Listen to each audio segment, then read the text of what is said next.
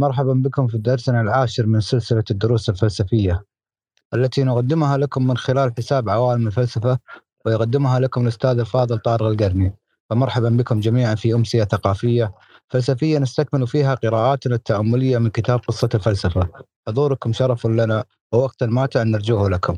تفضل أستاذ طارق. أهلا بالجميع في الدرس العاشر من دروس الفلسفة. وحديثنا أيضا سيكون استكمالا لما قلناه سابقا عن أرسطو والتوقف عند بعض ما قاله. ولعلنا أيضا نذكر أننا في هذه الدروس نعود إلى مرجع موحد بيننا وهو قصة الفلسفة لويل دورانت. اليوم سيكون الحديث عن أمور متعددة. حسب ما هو موجود في الكتاب أو فيما اتفقنا عليه ولعل الحديث سيأخذنا إلى عدة مناحي. في الكتاب في أول ما يبدأ به الحديث حسب التقسيم هو في حديثه عن علم الأحياء.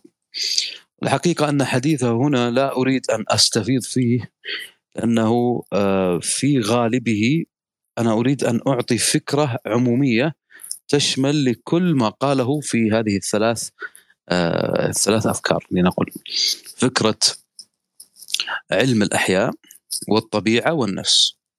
فسأبلورها وكأنها فكرة واحدة. وهنا ستأتي يعني كثير من الأفكار. لنقل أنها متشابهة أو متقاربة في فكرته التي يريد أن يخبرنا بها أرسطو. الطبيعة عند أرسطو أو لنقل الحديث عن الطبيعة لابد أن يقودنا الحديث عن الوجود. ماهية الوجود.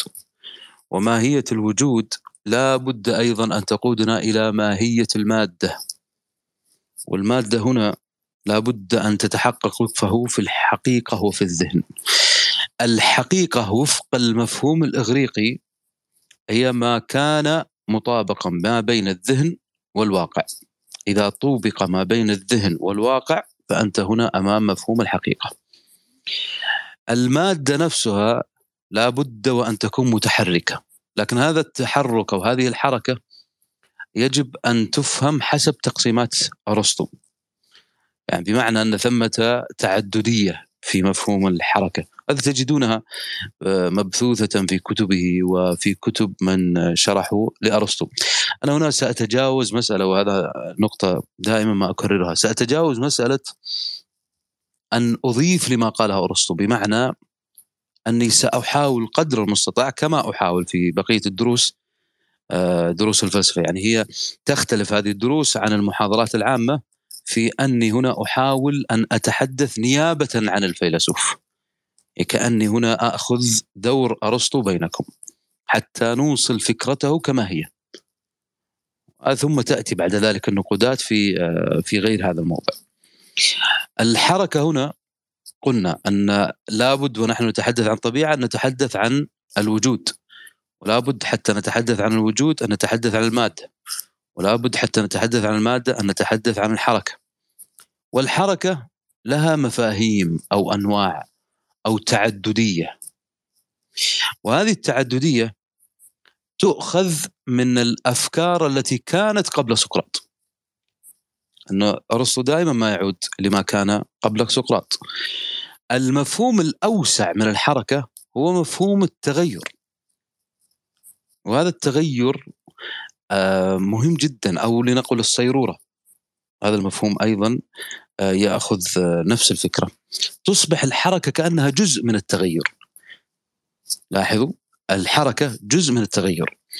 ولا بد هنا أن تأخذ فكرة الجزء والكل لأنها مهمة جدا عند أرسطو. فكرة الجزء والكل مهمة جدا عند أرسطو. يعني مبثوثة في نسقيته كلها. الآن عندنا فكرة التغير أو الصيرورة. هذه كما قلت فكرة قديمة. ولكنه يأخذها كي يستفيد منها في بلورة نسقيته. هناك تغير لكن كيفية هذا التغير أو كيف يكون هذا التغير؟ ثمة قاعدة وهي أن كل تغير لا بد أن يكون من طرف إلى ضده. يعني التغير هذه قاعدة الآن وهذا الآن هذه القاعدة الآن هي التي ستجعلك تفهم آه، ما الفرق ما بين كلمة التغير أو كلمة السيرورة وكلمة الحركة. إنك ستجدها الآن أمامك. فلا تظن أنها واحدة. عندما تقرأ ستقرأ مثلا في موضع التغير في موضع السيرورة. التغير والسيرورة هي واحدة. ثم ستقرأ الحركة. لا تظن أنها واحدة. الفرق بينها دقيق لكن الناتج واسع جدا. الآن التغير أشمل من الحركة. يعني نستطيع أن نقول أن الحركة جزء من التغير أو جزء من السيرورة. كل تغير لا بد أن يكون من طرف إلى ضده. قاعدة. وبهذه الطريقة سيكون عندنا عدة متغيرات أو عدة أنواع لنقل التغير من اللا وجود إلى اللا وجود من اللا وجود إلى اللا وجود يعني الآن هل بينهما ضد؟ ليس بينهما ضد. هذه ليست ضدية. اللا وجود ليس ضدا للا وجود اذا هنا القاعدة تنتفي. واضح؟ فيصبح هنا لا وجود للتغير. من اللا وجود إلى اللا وجود لا وجود للتغير. السبب لا وجود للتغير لا وجود للتضاد. إذا قلنا التغير من اللا وجود إلى الوجود هنا يصبح هناك تضاد. القاعدة طبقت هنا. فمعنى ذلك أن ثمه تغير ماذا يسمى هذا التغير عند أرسطو تحديدا؟ يسمى الكون. يسمى الكون. طب العكس لو قلنا من الوجود إلى اللا وجود هل ثمة آه القاعدة مطبقة هنا اللي هي التغير؟ نعم. طب ماذا يسمى هذا عنده؟ يسمى الفساد. آه عنده كتاب اسمه الكون والفساد. قائم على هذه الفكرة. أعيد حتى تكون أيضا مركزة لأني سأبني عليها لاحقا. أن الآن سأعيدها على شكل سردية. الطبيعة لابد قاعدة لابد أن تأتي معها مصطلح الوجود. الوجود لابد أن يكون حاضرا معه مصطلح آخر وهو المادة. المادة لابد أن يكون حاضرا معها مصطلح اسمه الحركة الحركة لابد أن يكون حاضرا معها مصطلح اسمه التغير والسيرورة التغير أو السيرورة أعم من الحركة ثمة قاعدة نستطيع من خلالها أن نعرف ماهية التغير أو الصيرورة ما هي؟ هو التغير من طرف إلى ضده يعني الضدية لابد تكون موجودة حتى يكون هناك تغير الحالات ما هي؟ أولا. الانتقال من اللا وجود إلى اللا وجود هنا القاعدة ليست مطبقة. إذا هذه ليس فيها تغير. يشبه بالعدم. ثانيا التغير من اللا وجود إلى الوجود. هذه يوجد فيها تضاد. القاعدة مطبقة هنا. ماذا يسميها أرسطو؟ الكون. الثالث من الوجود إلى اللا وجود كان موجودا ثم أصبح لا موجودا. معنى ذلك أن دخله الفساد. إذا هذا يسمى الفساد عنده. وهذا هو مفهوم كتابه بشكل عام الكون الفساد. طب عندنا حالة رابعة وهي موجود إلى موجود. يعني من حال إلى حال. هذه ما تسمى ماذا تسمى؟ تسمى الحركة. هذا مفهوم الحركة عنده وهو الانتقال من حال إلى حال أو من الوجود إلى الوجود. هذا هو مفهوم الحركة عنده. وأظن يعني أو أتوقع أو أخمن أنها أصبحت واضحة الآن. هذا المفهوم نعود هنا للقاعدة الأولى. كل مادي متحرك. هذه القاعدة أطال النظر فيها جدا وبدأ بنى عليها نسقيته فيما بعد الطبيعة. هذه الآن لابد أن تتصل بما أنها حال انتقل إلى حال آخر. لابد أن تتصل بالزمان. واتصالها بالزمان لابد أن يأخذ شكل الحركة لكن السؤال هل الحركة تكون في الشيء أو في الزمان؟ يعني ما الذي يتغير الآن؟ هل هو في الزمان أو في شيء يعني لو أخذناها حتى بأحاديثنا يعني الزمن تغير هل هذه يعني وفق أرسطو هل هذه صحيحة أو غير صحيحة؟ حقيقه أن أرسطو يرى أن الزمان هو مقياس للحركة يعني ليس هو الذي يتحرك الذي يتحرك هو ما هو داخل الزمان. نحن من يصنع التحرك وليس الزمان. الزمان هو الزمان لا يتغير. يبقى ثابتا يعني ثابتا على سننيته. وعنده سنة محددة فلا يتغير الزمان نفسه. نحن من نصنع ثقافة الزمان فنحن من نغير هذه الفكرة. أو من نحن أو نحن من نصنع ما يدور داخل الزمان. هنا تأتي مفاهيم من قبيل الثقافة.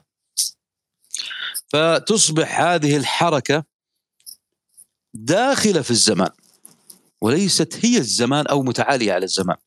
يعني الزمان هو له الثبات أما التغير فهي في هذه التي تقع فيها الحركة يعني الأحوال لنقل.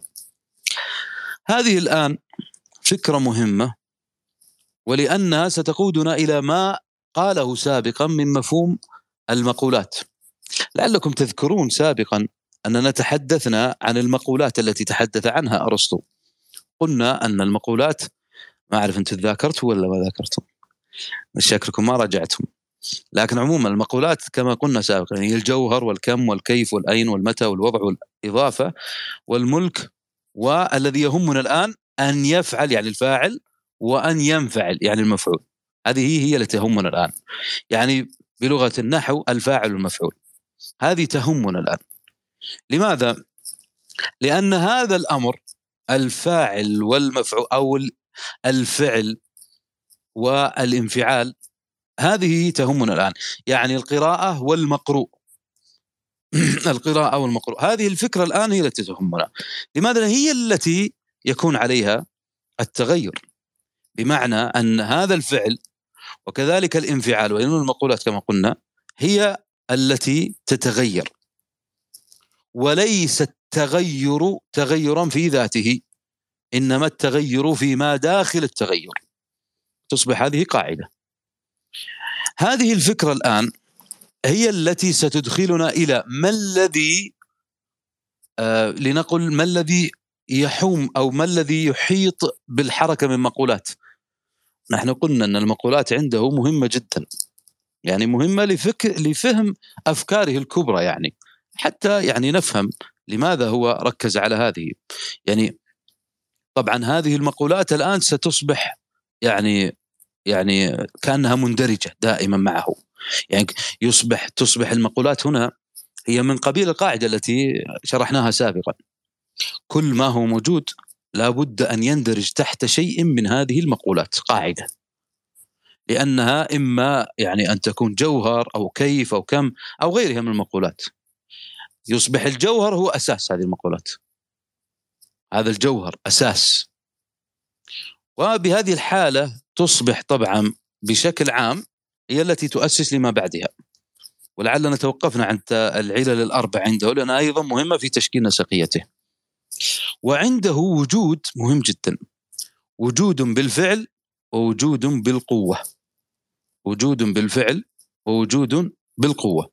وهذه الفكرة لنقل هي التي أيضا آه، لها علاقة بمفاهيم الطبيعة عنده يعني الآن الحركة تكون آه، قريبة لنقل من مقولات الكيفية والكمية والمكان. هذه مهمة جدا عنده طبعا هذه الفكرة الآن هي التي ستأخذ يعني أشكال لنقل. أشكال هذه لنقل أشكال هذه المادة. وكما قلنا سابقا عد إلى ما قلناه. الطبيعة الوجود المادة اللي هي التسلسل اللي ذكرناه في البداية. هذه أيضا تعينك.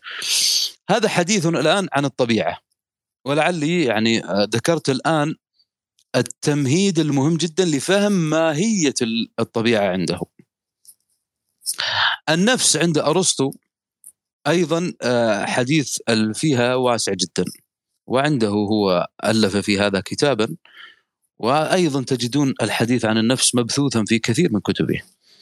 لكن يهمني هنا أن أربط هذه النفس بما قلناه سابقا. الآن المادة عند أرسطو تصلح لأن تكون أي شيء من الأشياء. يعني المادة نفسها هي أصلا جزء من العلل الأربع. تعرفون أن العلل الأربع أولها العلة المادية. طيب ما الذي يعطي هذه المادة؟ المادة الآن جامدة. طيب ما الذي يعطيها الحياة لنقل أو الوجود؟ كيف يصبح لهذه المادة وجود؟ الصورة. يعني الصورة هي التي تعطي المادة حياتها وليست المادة في أصلها. اذا عندنا الآن صورة ومادة. لابد حتى تكتمل من آه لابد حتى تتكون لابد أن تكتمل هذه وهذه. يعني لا تنفصل هذه عن هذه. الفكرة هذه موجودة في الطبيعة عنده أخذها وطبقها أيضا على النفس. فقال عندنا نفس وعندنا جسد أو جسم. الجسم هو المادة. والنفس هي الصورة. فلا تكتمل النفس إلا بالصورة ولا الصورة إلا بالنفس. وهذا أمر مهم جدا. ولا يمكن الانفكاك بينهما. طبعا هذا الخلاف ما جاء به بعد ذلك ديكارت ومن بعده. يصبح عندنا تعريف للنفس هو حددها بنفسه. فقال أن النفس في أشهر تعريف لأنه أيضا ستجدون ما يشبه التعاريف للنفس. لكن أشهر تعريف تقريبا له هو كمال أول لجسم طبيعي ذي حياة بالقوة. ولاحظ قبل قليل ماذا قلنا؟ قلنا أن عنده أمور لابد تفهمها وهي الوجود بالفعل والوجود بالقوة. يعني حتى أوضح هذه الفكرة لأنها أيضا مهمة هنا. الآن أنا سأعطي المثال الذي يضربه هو نفسه. هو مثال شهير جدا يعني لكن لن أخرج منه حتى يحفظ يعني. الآن كتلة الخشب عندنا الآن كتلة كتلة خشب. هذه قوة. طيب هي تعتبر تمثال بالقوة يعني. واضح؟ طيب. الآن عندنا مثلا كالمثال الذي يضربه هو أيضا الشجرة. أي شجرة هو يضرب شجرة البلوط. وغيره غيرهم الشراح يعني. أيضا هذه بالقوة. الآن لاحظوا معي.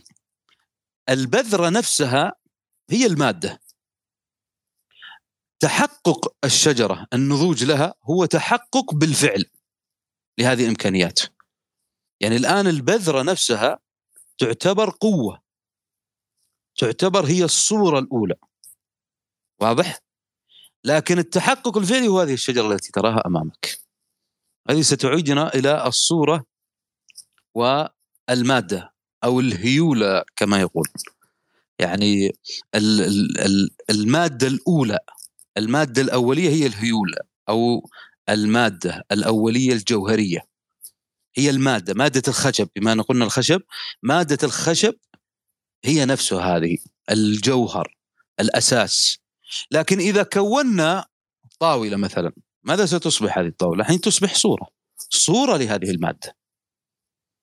فالآن هذه هي الفكرة التي من الممكن أن توصلكم إلى ما معنى الوجود بالفعل يعني فعليا أصبح هذا موجود.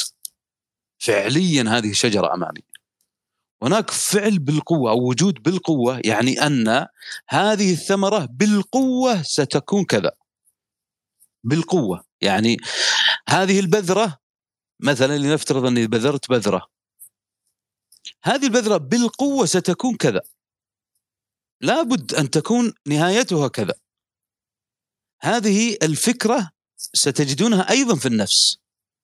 إذا عنده هو النفس تصبح كمال أول لجسم طبيعي ذي حياة بالقوة. فتصبح الآن الجسم أو الجسد آه طبعا النفس هي صورة الآن لهذا أو لنقل التلاقي ما بين النفس. طبعا هنا طبعا مخالفة واضحة جدا لما قاله أفلاطون. فعندنا الآن بداية تشكل للنفس. هذا التشكل الآن في النفس لابد أيضا أن يستصحب بأنواع للنفس. يعني الآن النفس هي التي تجعل الجسم حيا. هي التي تبث هذه الحياة بداخله.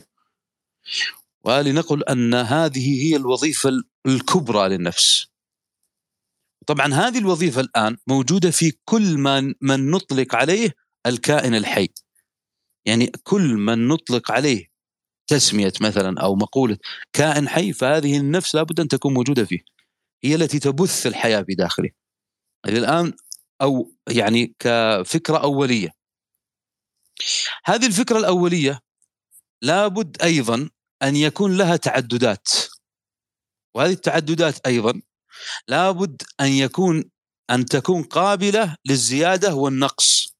وهذه واضحة من آه لنقل التمثيلات أو لنقل من الأنواع التي قالها عن النفس. أنواع النفس عنده ثلاثة. أنواع النفس بشكل عام عنده ثلاثة. النفس الأولى تسمى النفس الغاذية أو النفس النامية. هذه يعني آه، نفس وهي أول قوة من قوى النفس. هذه موجودة في كل الكائنات. ولها وظيفتين التوليد والتغذية. وهنا لابد أن نفهم أمر مهم جدا وهو أمر أيضا آه، يعني حتى لا أنساه. أمر مهم جدا عند أرسطو في مسألة النفس تحديدا. وهي أن لا نستطيع أن ندرك النفس في ذاتها. يعني حتى نفهم النفس لابد أن نفهم ظواهر النفس. يعني ماذا يصدر عن النفس؟ طب كيف نفهم هذه من خلال فهم الجسد؟ ولهذا هي عبارة عن أمر تكاملي ما بين النفس والجسد.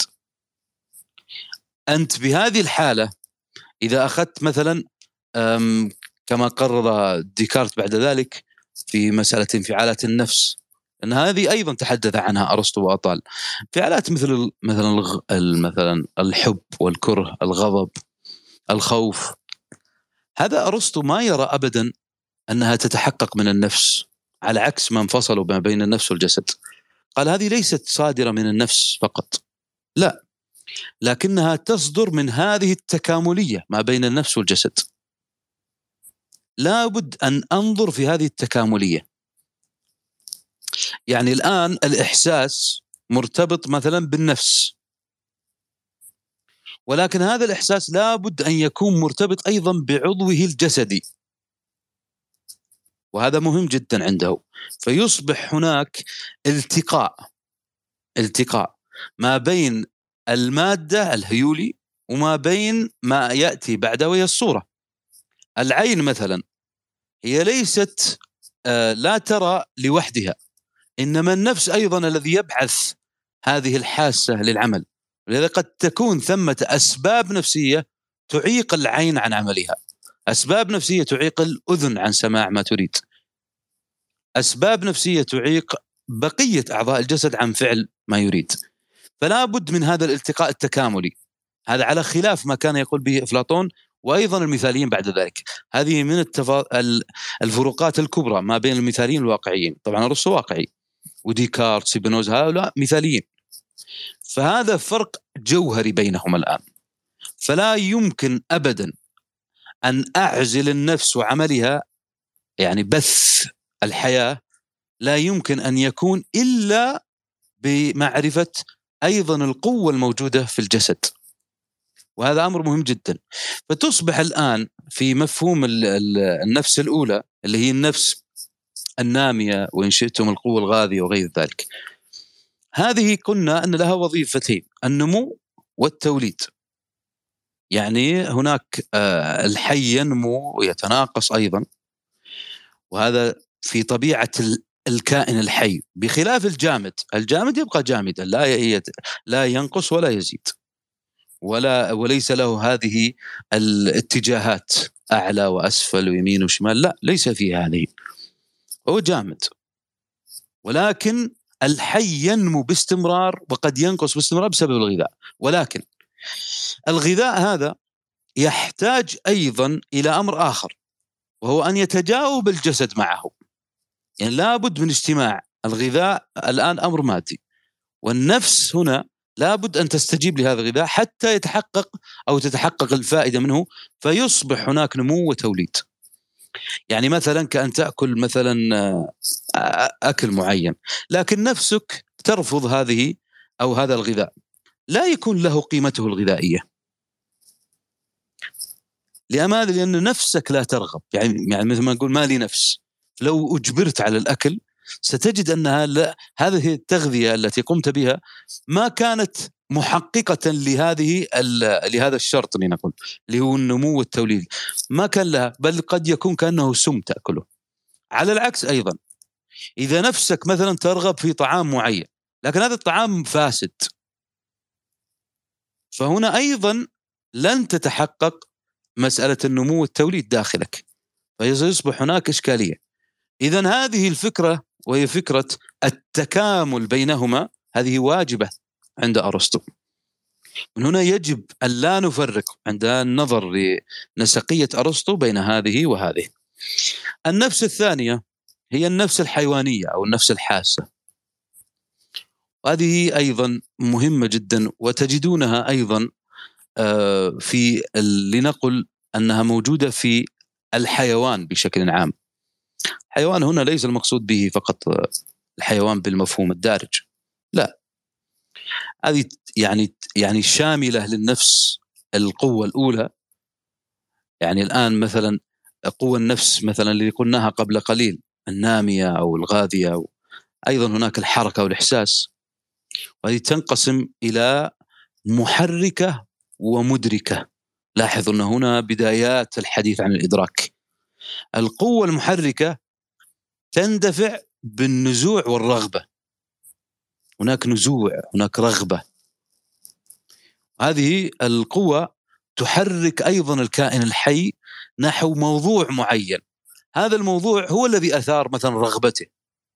أو مثلا تقول له ابتعد عن هذا الموضوع لأن فيه ألما لك بعد ذلك. هذه يعني هي القسم لنقل الخاص بالمحرك للإنسان. هناك أيضا قوة أخرى وهي القوة المدركة. هناك إدراك ظاهر. هذا يتم عن طريق الحواس. حواس الإنسان. وهذا أن تدرك الشيء مباشرة يعني عن طريق هذه الحواس. هناك إدراك باطن. الإدراك الباطن عنده يعني يأخذ أيضا مناحي متعددة.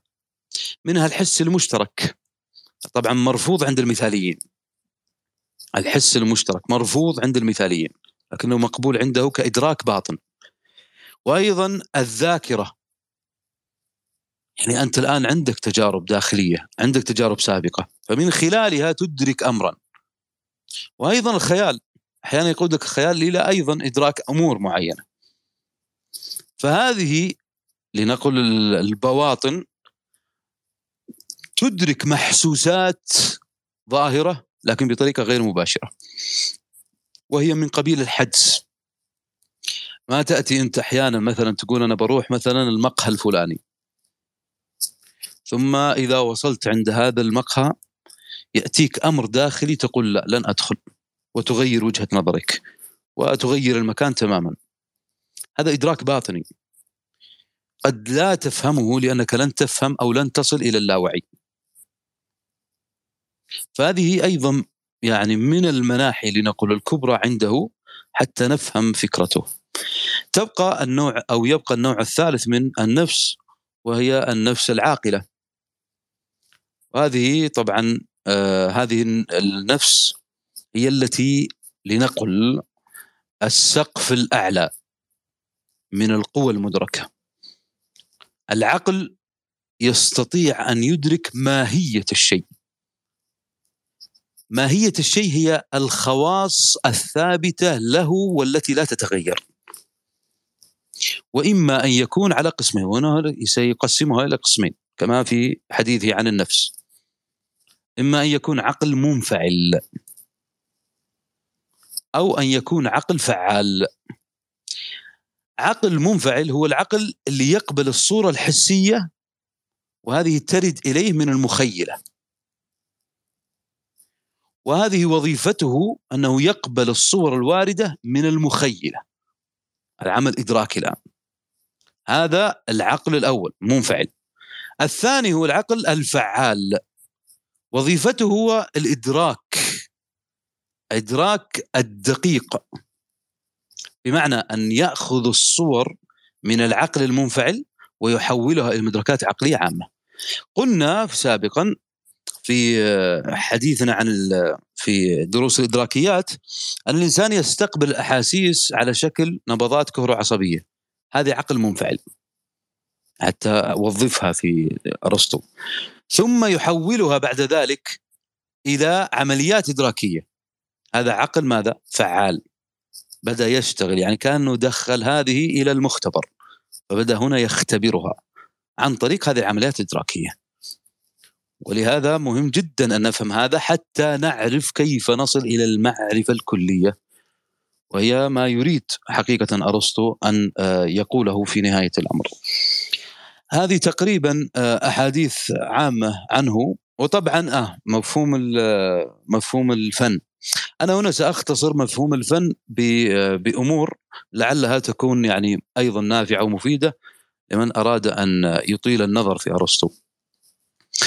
وطبعا آه، من أراد أيضا أن يستزيد فعليه بقراءة ما كتبه الفارابي. قلنا سابقا أن المعلم الأول هو أرسطو لأنه أول من قعد للمنطق وسمي الفارابي المعلم الثاني. لماذا؟ لأنه أول من قعد للموسيقى لاحظ أن الفن وسآخذه هنا بتشكيلات تشكيلات حتى يعني تناسب درسنا اليوم. الموسيقى الآن تنقسم إلى قسمين. إما أن تكون إيقاعات أو أن تكون نغمات. الايقاعات أوزان والنغمات مقامات. النغمات هي المشهورة. دو ري يا فا صول إلى آخره. مقامات هنا الصبا ونهاوند وعجم بياتي إلى آخره. هنا تأتي الفكرة هذه لتأخذ حيزا من مفهوم الموسيقى وعلاقتها بالطبيعة. لاحظون أربطها الآن بالطبيعة. لكن سأعطي القاعدة الكبرى للفن بعد قليل. لكن بعد أن أعطي تمهيدات سريعة يعني لبعض الفنون. الرقص هو أيضا عودة الإنسان عن طريق جسده إلى أصلها البنيوي المجرد من أي ثقافة أو فكر. هو محاولة من الإنسان لتقليد الطبيعة عن طريق جسده. يعني هنا يصبح مشتركا مع الأدب في التجرد الذي يمارسه الأدب من خلال محاولة الأديب أن يتجرد بخلق شخصيات وعوالم يرى أنها تمثل الطريق الصحيح نحو الطبيعة. الخروج من المكتسبات والإنسان مهووس بهذا. الآن الشعر أيضا تسكنه الموسيقى. لعلكم تأخذون هذا من فن الشعر عند أرسطو. وهذا يعني الموسيقى في الشعر تكون من جهتين الإيقاع تجدونه في العروض الوزن والصوت هي موسيقى خارجية الثاني هي اللغة اللغة هنا موسيقى أيضا من خلال التناسق ما بين الكلمات. هذه تعد موسيقى داخلية بنيوية. الرواية مثلا إذا أخذناها باعتبارها يعني كما يقال يعني أنها نوع من الامتداد للخطابة لكنها بصيغة أخرى يعني. لها موسيقى داخلية. ما هي موسيقى الداخلية للرواية؟ هي السردية للأحداث. سردية الأحداث هي الموسيقى الداخلية للرواية. الأحداث من حيث تناغمها تلاحمها تشكل جسرا جماليا بينها وبين نفس المتلقي اللغة تصبح جامعا ما بين الأدب والموسيقى من ناحية الدلالة التداولية. فالأدب مثلا هو بنية لغوية قصدية طبعا ولها دلالات معينة تتخذ من اللغة وسيلة لها للعبور إلى المتلقي. حتى وكذلك الموسيقى أيضا لها جمل موسيقية ولغة قصدية تصل بها إلى غايتها وهي التأثير على المتلقي. هنا يصبح الأدب وكأنه كلمات تغنى وطريقة غنائية بتلاحمه مع الموسيقى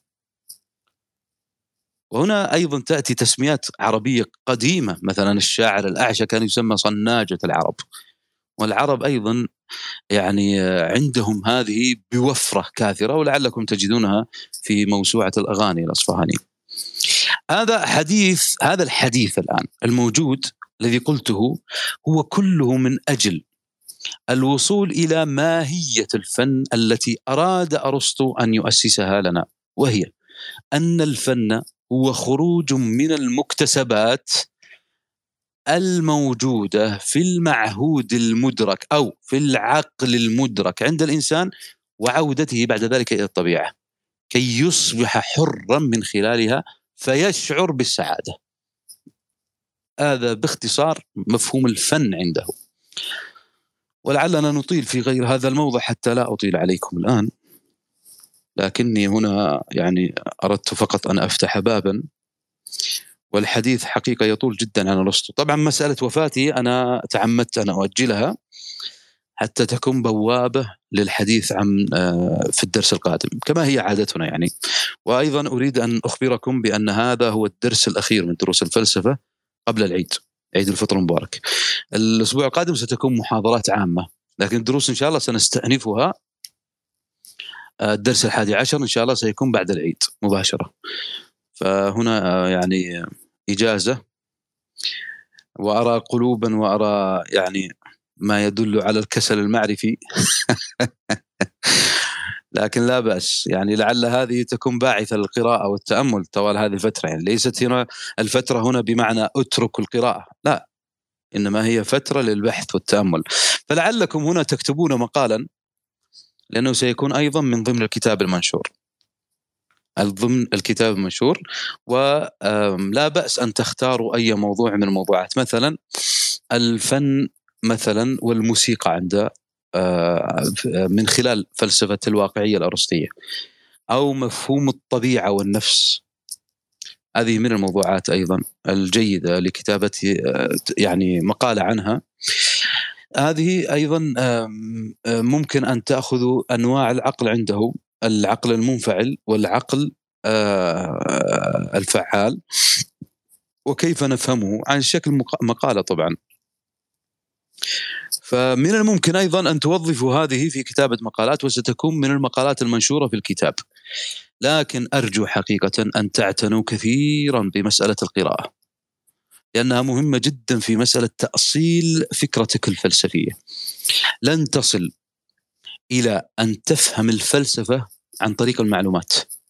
هي الآن التي بثثتها لكم قد تكون معلومات أكثر من كونها معرفة لأني أتحرى حقيقة في دروس الفلسفة تحديدا ليس في في الدروس العامة. في دروس الفلسفة هذه أتحرى كثيرا أن أبقى في خانة المعلومة ثم أنقلها إلى معرفة في أواخر الدرس كما هي عادتنا. أنا لا أريد أن تأخذ كلامي هذا وتجعله وكانه مقدسا. قطارق قال معناها هذه هي الحقيقة. لا. إنما خذ هذا القول واقرأ أنت بنفسك وتأمل ثم أعطني تصورا لك. ليس المقصود أن تعطيني معلومة. أنا أريد أن تعطيني تصورا. تصور يختلف عن المعلومة. أنا لا أريد معلومة. أنا أريد تصور. كيف تفهم هذه؟ لكن هذا التصور مبني على منطق. ليس هكذا فقط. أنا أشوف أنا أحس. والله أنا حاس كذا. لا لا أحاسيسك لا أريدها. أنا أريد المنطق بيني وبينك منطق. فهذه مهمة جدا. لا يمكن أن يأتيك هذا المنطق إلا بقراءة واسعة وتأمل أوسع لكل ما قيل. فيعني لعل هذه الفترة التي سنتوقف فيها وهي قرابة يمكن عشر أيام أو أسبوعين لعلها تكون كافية إن شاء الله. لا هي كافية أكيد للقراءة والتوسع. سأتوقف هنا حتى أستمع منكم وأتعلم كما هي عادتي منكم. شكرا للاستماع. شكرا جزيلا أستاذ طارق. ألف شكر وأهلا وسهلا فيك وأهلا وسهلا فيكم جميعا يا أخوان الأخوات شرفتونا ونورتونا.